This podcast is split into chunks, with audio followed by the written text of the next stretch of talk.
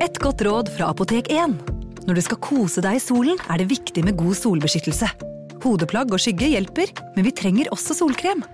Vi har ansiktssolkremer tilpasset ulike hudtyper. Har du f.eks. tørr, fet eller normal og kombinert hud, finner du solkremer spesielt tilpasset deg og ditt behov. Kom innom og få råd på ditt nærmeste Apotek 1, eller chat med oss på apotek1.no. Apotek 1 vår kunnskap, din trygghet.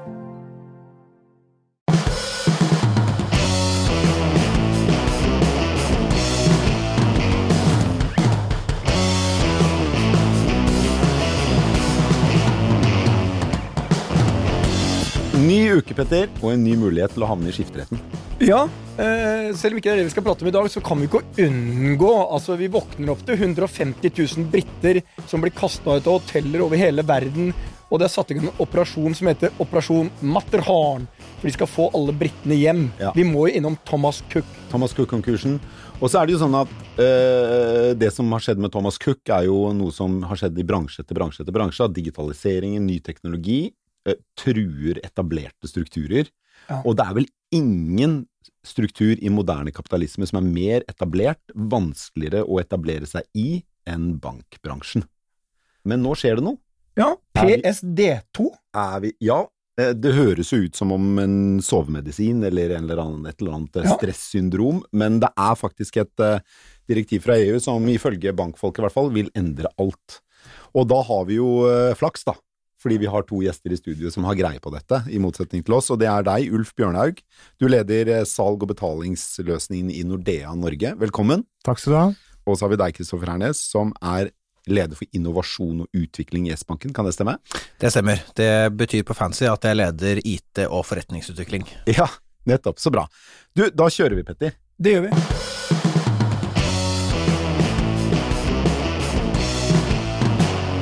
Petter, det var jo en ganske dramatisk melding som kom på morgenkvisten i dag, med konkursen i Thomas Cook.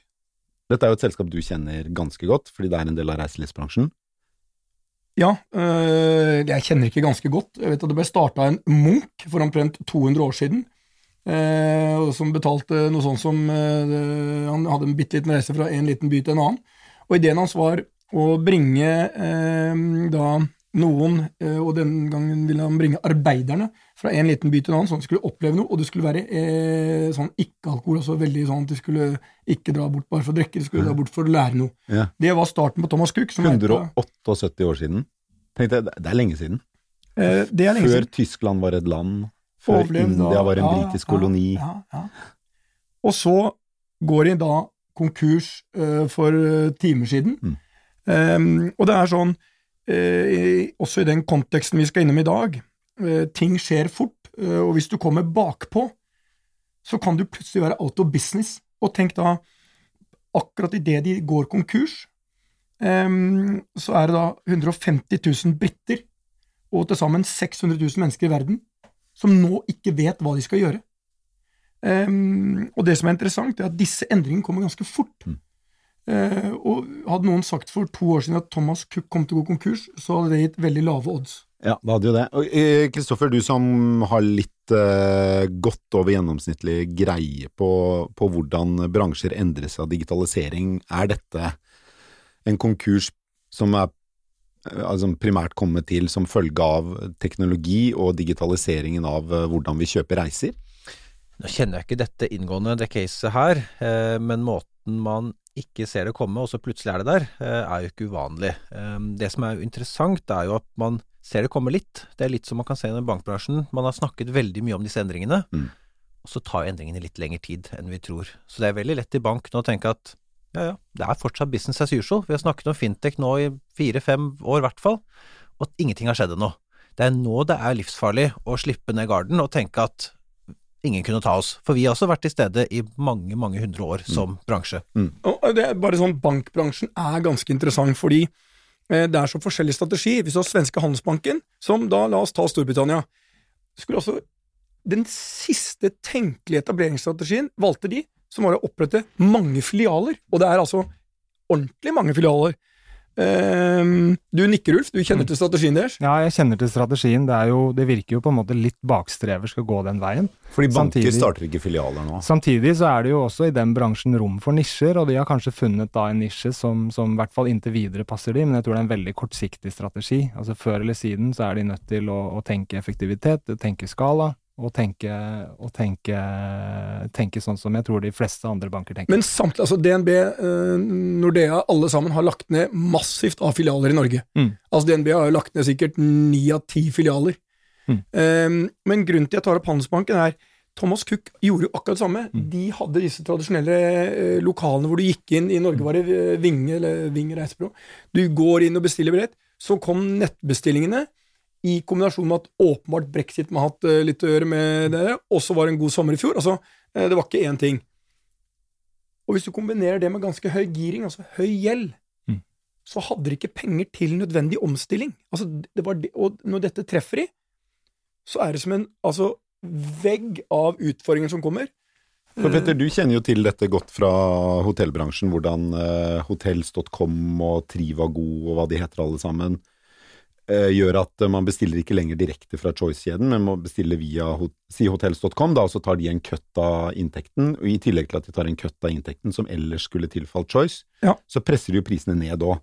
Så de tar en køtt av en De Hotellpris som blir mindre og de, mindre og de, de mest av alt utfordrer lønnsomheten, og det er samme som man håper Altså, det som skjedde automatisk i hotellbransjen, er det nå konkurransemyndighetene i EU forsøker å få til i banknæringen. Mm, ja. Altså øke konkurransen. Hos oss skjedde det eh, helt naturlig ved at det kom aktører inn som vi kaller tredjepartskanaler. Booking.com, Expedia, alle disse store aktørene.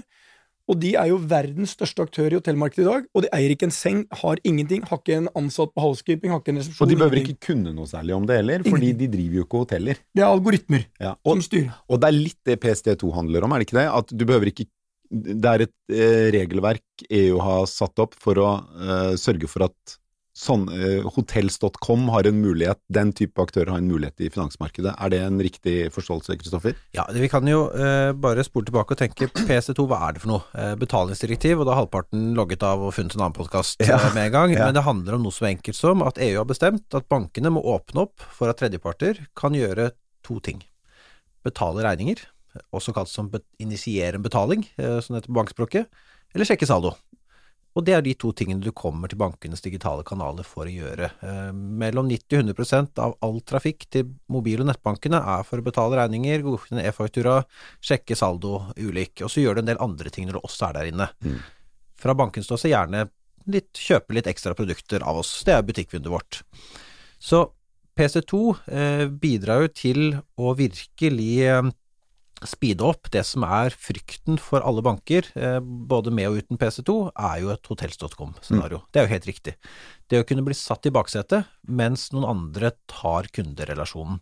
Det har man jo sett i, i bransjedynamikken, så har vi jo en banklisens som gjør oss beskyttet et stykke ned i, eh, ned i maskinrommet, men kundegrensesnittet kan jo utfordres. Ja. Og vi er jo ikke verdensmestere i å lage gode digitale brukeropplevelser. Der finnes jo mange andre som er bedre enn oss. Er dere bekymra for kundelojaliteten? Ulf, er dere bekymra for kundelojaliteten? Kan det endre noe sånn midt i forhold til banken? Ja, altså I ytterste konsekvens så kan du jo si at de store bankene, hva er det de er gode på? Jo, det er, det er å produsere råvaren, som er kontoer, som er eh, kort, som er andre tjenester. Altså Men det betyr ikke så mye i fremtiden. Nei, eh, det kan bety at store banker, f.eks. som har best forutsetninger da, for å kunne levere eh, produktene effektivt og lønnsomt, kan jo ende opp med å bli råvareleverandører, og så har du da andre som lager apper, som da kan tilby disse tjenestene i nye kanaler. Men hvordan i alle herrens dager eh, Hva er liksom begrunnelsen deres for å gå til sengs med en av mine favoritter, Apple? Eller altså, på min eh, shitlist så er det jo flere som står over der. Både Facebook og Amazon. Så, men dere går jo til sengs med de. Hvorfor gjør dere det? Begge er skyldige her. Hvem vil svare? Nei, vi går egentlig ikke så til sengs med de, fordi Du Apple er et veldig i Du er på vei inn i soverommet. på vei inn i soverommet. Men hva er betyr det? For, enkelt... på grunn av Apple Pay? Er det det? At Apple dere Pay, ja. samarbeider med Apple Pay? Men det er jo et enkelt bytteforhold. Eh, Vi får tilgang til, å, våre, eller våre kunder får tilgang til Apple Pay, så får de en liten kutt av transaksjonen. Eh, Det er ikke noe sånn finurlig at det kanskje går noe data i en eller annen retning, og der er Apple ganske enkel å ha med å gjøre. Det er andre aktører jeg er litt mer redde for. For Apple ønsker jo egentlig å få den betalingstjenesten på mobilen, slik at de som da har en Apple whatever-modell, kjøper neste modell når det kommer, for å låse inn i deres. Men de skal jo- fortsatt er- ha en cut av det. De skal tjene litt penger Ja, på det det. skal, det skal de, men det vi er mest opptatt av, er jo selvfølgelig å gjøre det så smooth som mulig for kunden. Og hva er smoothere enn å gå i en butikk, eh, Men ta opp Ulf, telefonen hvem din eier kunden her? Det er det er ute etter. Er det du som eier kunden, eller vi, er det Apple? vi eier kunden. Men Apple kjenner identiteten. Apple har kun et device hvor du kan putte inn dine kortopplysninger, og sånn sett betale med den telefonen i, i butikken. Ok, men du, det, det er sånn, spole litt tilbake fra Apple Pay, fordi i bankbransjen Bankbransjen er jo en av de bransjene som eh, til nå har vært minst rammet av konkurranse. Hvis du ser på mange av de bankene som er i virksomhet i dag, så er det liksom typisk virksomheter med en like lang historie som Thomas Cook. De har holdt på i gud vet hvor lang tid. Eh, og har er- Det er egentlig lite som skiller den ene banken fra den andre også. De tilbyr mer eller mindre de samme tjenestene. Uh, og en viktig grunn til det er jo fordi det har vært vanskelig å etablere en bank. Det har vært et strengt regulert marked, og selv om vi er jo vant til å høre bankfolk og andre klage over reguleringer, men i det stille på bakrommet, så er jo alle bankfolk egentlig ganske glad for at det er mange reguleringer, nettopp fordi det forhindrer etablering av nye aktører. Og det det PSD2 er med på, er vel å ta en eh, omvei via store, eh, den store terskelen for nye aktører å komme inn i markedet, ved å si at ja, du behøver ikke en, eh, du behøver ikke en kapitalkrav på gud vet hvor mange milliarder kroner for å starte noe som helst. Du behøver ikke liksom dette svære maskineriet. Alt du behøver er en app og en enkel lisens fra Finanstilsynet for å sette i gang med formidling av lån, for. Da. Er det ikke egentlig sånn, sånn at jeg kan starte i morgen med en altså- app altså- som formidles, som sørger for at Petter Det er en får de veldig beste vanskelig tanke med lånene. at du skal starte bank. La oss snu det Jeg på hodet. det. Petter starter en bank i morgen som gjør at, eh, som gjør at Bank. som gjør at jeg kan laste ned Choice Bank-appen og søke om lån via den. Og så kan Petter shoppe de beste betingelsene hos deg, Ulf, og hos deg, Kristoffer, og hos alle andre banker, og tilby meg gjennom appen den beste renta, og jeg, jeg behøver ikke forholde meg til Nordea eller S-banken eller noen andre, jeg Men behøver de, bare forholde meg til Petter. Ja, er det men, riktig? Men dere har fortsatt kredittrisikoen. Ja, Ja. det er riktig. Og, og fantastisk for, business. vet Det er jo det. Jeg lager bank, og banken tar risikoen. Så du har kundeforholdet til meg, du kan bygge lojalitet til meg og tjene penger på meg. Og sannheten er, de har, de har jo begynt allerede. Hva heter det der? eh, Coop Pay, Coop Pay, altså Mm. eh, kooperasjonens eh, betalingsløsning. Norgesgruppen er på beddingen. Tror dere at dette vil forandre hele banknæringen?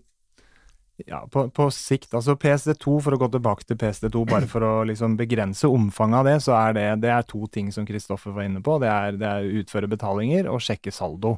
Og det i seg selv vil ikke revolusjonere verden. Det eh, jeg tror både Kristoffer og jeg er enige om, er jo at dette er på en måte et første steg i det å åpne opp banktjenester, sånn at du kan få type bransjeglidninger ved at Choice kan opp, opprette et eh, betalingsselskap, og sånn sett gjøre kundeopplevelsen smoothere på hotellene. Eller at, eh, at du kan tilby, som du sa, Per, eh, tjenester gjennom helt andre kanaler, sånn at bankene kan distribuere sine produkter i helt andre kanaler. Men det er jo da, vil jo da være opp til bankene selv å initiere PT, med mindre det kommer et PSD3. Men, Ja, fordi altså, PSD2 lar ikke meg låne fra Choice Bank-appen. Nei, riktig. men Så det, må i så fall skje i PSD3, eller hva det en velger men altså, det derre der PSD2 og 3 og sånt nå, nå gikk det liksom litt fra tante Olga til Jennifer Lopez for meg. Nå Ja, ble det litt sexy. Ja. men altså, helt ærlig. Altså, jeg, jeg, for jeg, jeg begynte dagen med at det, det er det største gjespet jeg har hatt i noen podkast siden jeg begynte. Vi trengte Og- rett mental innstilling, vi, på altså, vei vi tenkte, studio. Er det mye her? Nå er det ikke lenge til vi ser Choice Bank. Nei, nei, altså, den, den har jeg er allerede begynt uh, Er ikke bare Choice Bank. Strawberry Finance og det Her kommer det flere ting. Eh, Men, så det, vi må, Strawcoin. skal, skal bare litt innom en annen uh, hendelse denne uka. Fordi et selskap du kjenner ganske godt, Petter, og som jeg også kjenner ganske godt er Jeg ser på det smilet ditt nå at nå kom det et eller annet jeg ikke ville var, det no, var det noe innfullt over smilet mitt? Første gang jeg har hatt Red Bull i studio. Det er ikke reklame. Ja. Var det, um, det er jo Norske Skog. Som eh, i, på første halvdel av 90-tallet kjøpte stort sett alt som var av avispapirfabrikker eh, i verden. De kjøpte for jeg tror det var 25-30 milliarder kroner eh, i avispapirfabrikker i Asia og Australia. Akkurat på det tidspunktet hvor eh, nettavisene begynte å bli eh, tatt i bruk av eh, det avislesende publikum. Eh, det var jo en, kanskje en av norgeshistoriens største investeringsfiaskoer. Gutenberg-strategien. Yes. Eh, og du dreit deg jo greit ut på å investere i Norske Skog sammen med Øystein Streitsbetalen, Petter. Det, det- Usedvanlig Det var et spørsmål, men det var litt ufint. usedvanlig- sånn eh, enkel oppsummering fra en tidligere finansredaktør. Ja, det var det. Det var en enkel var, oppsummering. vi hadde gjort en analyse. Den viste seg å være riktig, men det var bare ett problem. Den var feil. Eh, Nei. Eh, Det var ikke mulig å execute, altså gjennomføre de tankene vi hadde, for vi hadde for få aksjer. Ja. Men de klarte allikevel å tape en sånn 350 millioner før vi fikk sagt kransekake. Ja. Uh, Og Norske Skog har jo nå, de skal på børs igjen nå. De ble kjøpt opp av et sånt, eh, et slags oppkjøpsfond som har restrukturert selskapet, solgt en masse, lagt ned en masse, og nå skal de tas på børs igjen. Forhåpentligvis for deres del, da, med mindre avispapir i porteføljen. Men det var eh, grunnen til at jeg tenkte at det var relevant å nevne nå, bortsett fra å plage deg litt, det var jo at det var jo en av de første virkelig store ofrene, i hvert fall i norsk næringsliv, for bransjeglidning, som det kalles for fint. da. Eh, Kan ikke du, eh, Kristoffer, kan ikke du gi oss en sånn bransjeglidning for dummies? Hvorfor, hvorfor snakker vi så mye om det? Nei, så Du har jo ikke så tydelige bransjeskiller i den digitale verden, akkurat som også du har ikke like tydelige kommunegrenser og landegrenser i det digitale. Så forretningsmodeller som er veldig definert til én bransje, eh, vil jo ofte utfordres. Forretningsmodeller som er veldig geografisk avgrenset når du får et verden som marked, litt sånn som vi har snakket om hotels.com, vil jo utfordres av det digitale. Og selv om ikke historien har alltid gjentar seg, så har den jo en tendens til å, til å rime. Og mye av det vi har sett fra mediebransjen, er jo det man igjen kjente igjen i telekombransjen, som man også ser konturene av i bank og finans. De bransjene vi snakker om nå, er jo der jeg kommer fra før jeg jobbet i bank, riktignok som konsulent, men jeg jobbet mye med telekom- og mediaselskapene. Og måten Telekom ble deregulert på, kan jo minnes om det PST2 setter startskuddet for. Usikker på om det blir noe PST3, men et av formålene med direktivet var jo fremme innovasjon i bransjen. Og det har de jo begynt å gjøre. Så sånn sett er jo direktivet, selv om kundene bryr seg ikke noe om dette her, det forventes vi jo, så ingen bryr seg om PST2, tre bokstaver og tall, det er veldig banksk. Men banken har begynt å eksperimentere. Eh, Vi har jo inngått avtale med Lånekassen om å vise studielån i nettbanken. Eh, Selv om lån ikke er inkludert i, i PC2, så kan jo vi inngå avtaler med andre om å samarbeide på tvers. For det er jo ingen som vil ha noen ting av det vi tilbyr. Du har jo ikke lyst til å betale for noe, men du har kanskje lyst til å kjøpe den reisen. Eh, Du har ikke lyst på et lån, eh, men kanskje den reisen kostet litt mer enn det du hadde på konto akkurat da, så da kan du få noe kreditt. Så det at banktjenestene eh, på et eller annet tidspunkt blir eh, Første gang jeg har hørt en bankmann si at det er fornuftig å reise på kreditt. Altså det, De elsker jo sånne høyrentelån med usikret gjeld, som det kalles. Eh, Men eh, eh, tror dere vi vil se noen konkurser à la Thomas Cook i bankbransjen?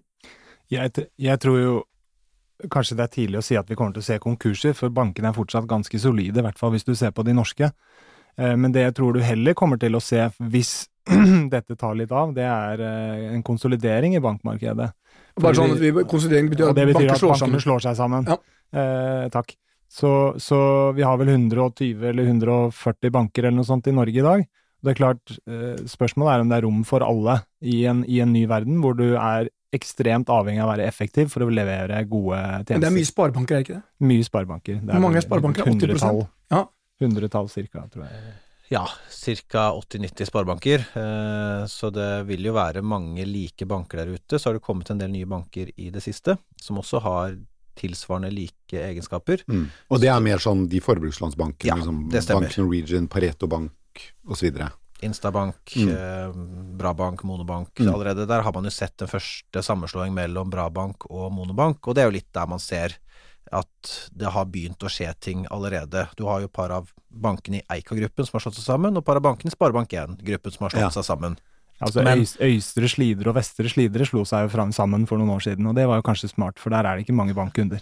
Og midt mellom Øystre Slidre og Vestre Slidre så lå det et hotell også, og det er vel lagt ned. Så det har jo skjedd endringer. Det var et hotell jeg bodde på veldig mange år. Slidremarkedet eh, i hotellbransjen er, er ikke så bra, det. da. Nei, Nei. det, Men- det gikk som med bankene de måtte slå seg sammen.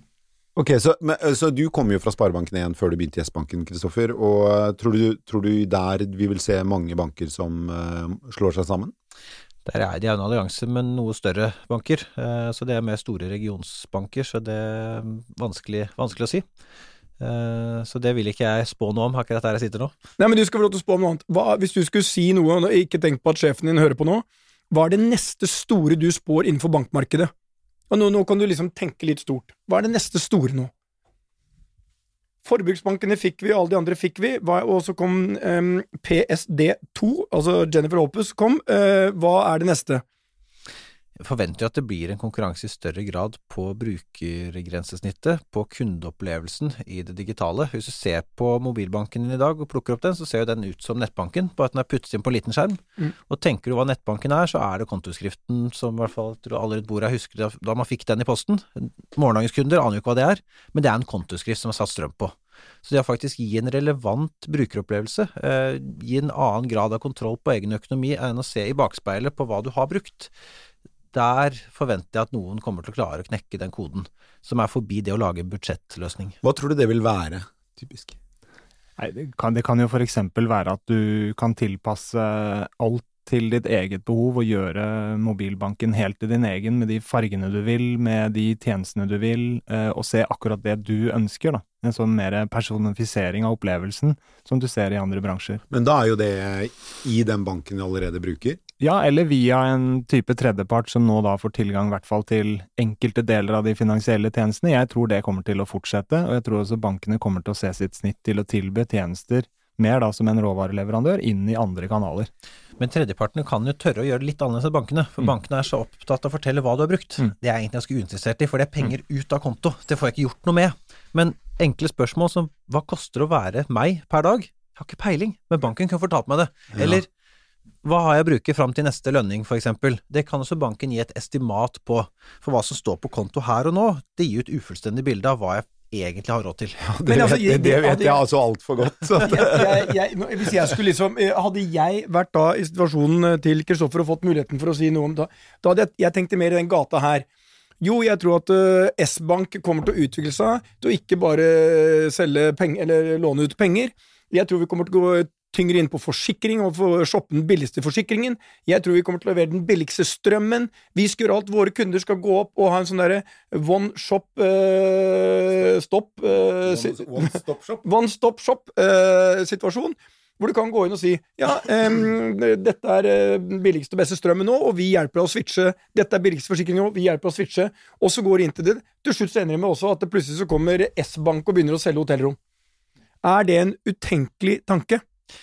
Ikke utenkelig, eh, men Ta da må man jo se eh, litt ja. hva, hva forventer du av banken, og hva er det som driver tilliten. For bankene har jo tross alt en tillitsforsprang på en del av disse andre tredjepartene. Så hvis vi blir for mye markedsplass, kan det utfordre det.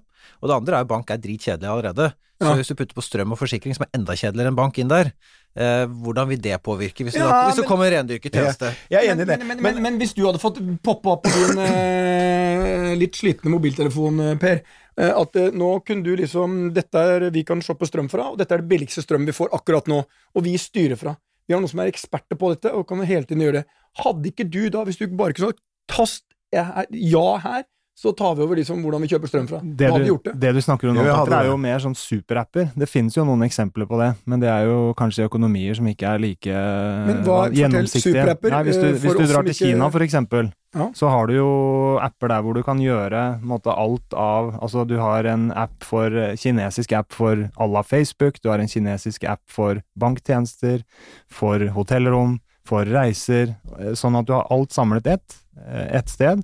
Spørsmålet er jo Det skjønner jo, for kinesere skjønner jo ikke De kan jo ikke lese engelsk, de har sånn kinaspråk. Og så har de jo litt rusten forhold til personvern også. Det er vel kanskje det som Ja. gjør det mulig i Kina å ha Det er også mulig, og det er One vel- ring that binds them all, eller hva det heter i Ringenes herre.